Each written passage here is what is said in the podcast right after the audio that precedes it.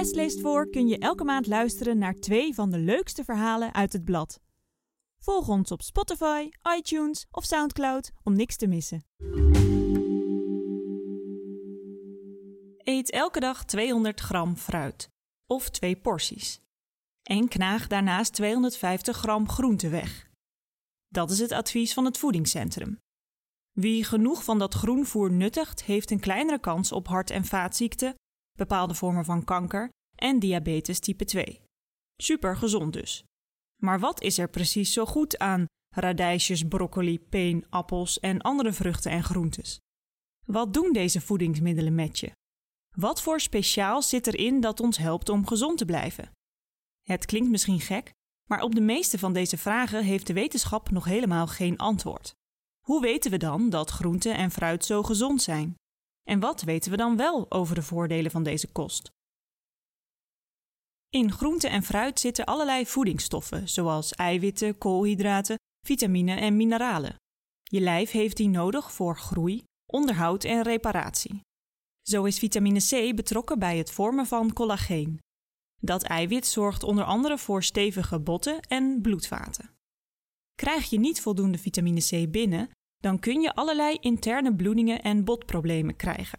Een deel van deze voedingsstoffen vind je vooral, of zelfs alleen maar, zoals vitamine C, in groente en fruit. Dus vooral daarom is het belangrijk om niet alleen maar vlees, brood of chocoladetaart te eten.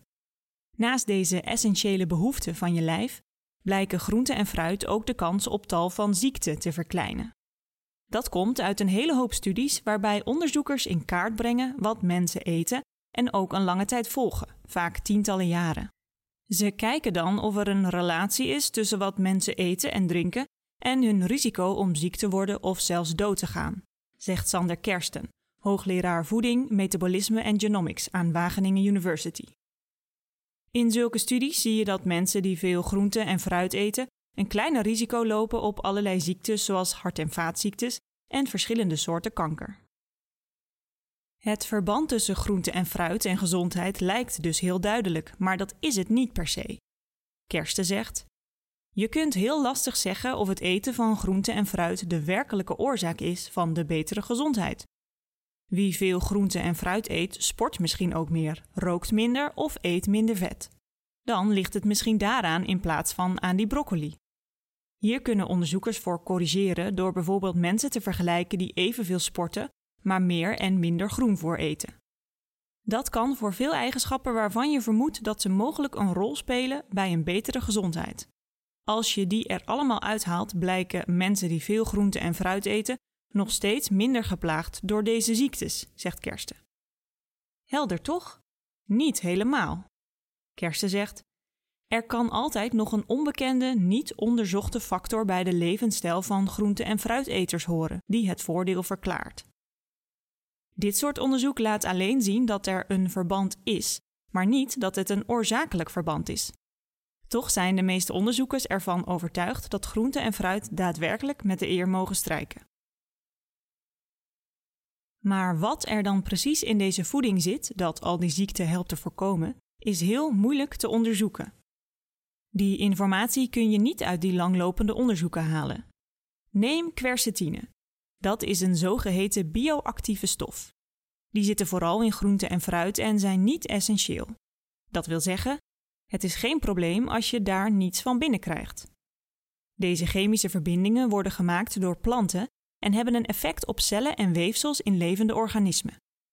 Ze geven planten hun kleur, smaak en geur en spelen een rol bij de afweer tegen plantenziekten. Aan quercetine worden allerlei goede eigenschappen toegeschreven maar helpt het in ons lijf ziektes als kanker voorkomen. Daarvoor moet je weten hoeveel mensen van zo'n stof binnenkrijgen en welke ziektes zij op de lange termijn ontwikkelen. Er zijn wel fruit- en groentesoorten waar meer of minder quercetine in zit.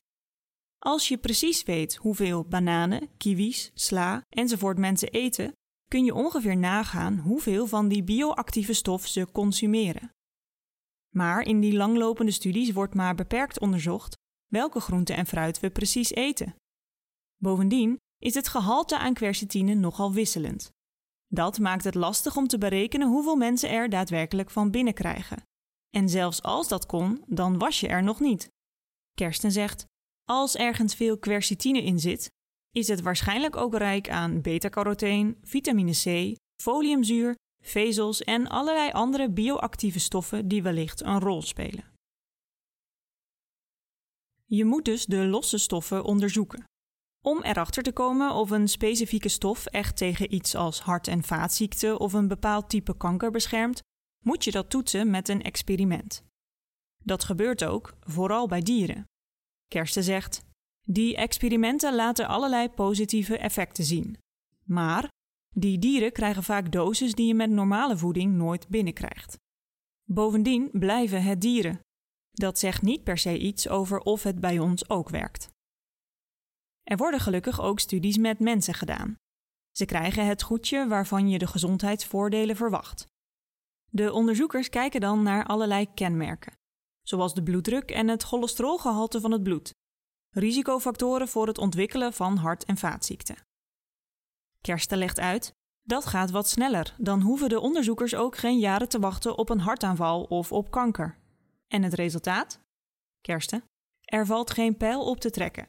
Er zijn studies die interessante effecten vinden van een bepaalde stof, maar vervolgstudies dan weer niet. Ook de zeldzamere studies waarbij proefpersonen jarenlang een pil met zo'n stofje slikken en de onderzoekers kijken of ze een bepaalde aandoening ontwikkelen, bieden geen uitkomst. Kersten, uit dit soort onderzoeken komt telkens niets. En soms blijkt het resultaat zelfs negatief te zijn. Toch zit er wel iets in groente en fruit waarvan wel overtuigend bewijs is dat het goed voor je gezondheid is. Dat zijn vezels. Die verlagen het risico op dikke darmkanker en het risico op hart- en vaatziekten. Kersten zegt: Veel studies vinden op dit gebied hetzelfde. Vezels vind je niet alleen maar in groente en fruit, maar ook in andere plantaardige producten, zoals granen en pulvruchten. Ze geven de plant structuur en stevigheid. Vezels worden niet door ons verteerd. Ze komen in je dikke darm terecht. Bacteriën breken ze daar deels af. De rest poep je gewoon uit zoals je ze ophad. Maar hoe ze het risico op ziekte verlagen? Ook dat zijn onderzoekers nog volop aan het uitvogelen. Uit verschillende onderzoeken blijkt dat het cholesterolgehalte van het bloed van mensen die een tijd lang extra veel vezels eten, daarna lager is dan dat van mensen die niet aan hun voedingspatroon wijzigen. Datzelfde geldt voor hun bloeddruk. Ook over de rol van vezels bij darmkanker bestaan ideeën. Wie veel vezels eet, produceert meer poep. Vezels zorgen bovendien voor meer darmbewegingen. Dat zorgt ervoor dat je vaker naar het toilet moet. Je drol ligt dan minder lang in je darm te wachten. Kersten zegt: Eventueel aanwezige kankerverwekkende stoffen hebben dan minder tijd om schade aan te richten. Ook nemen vezels water op.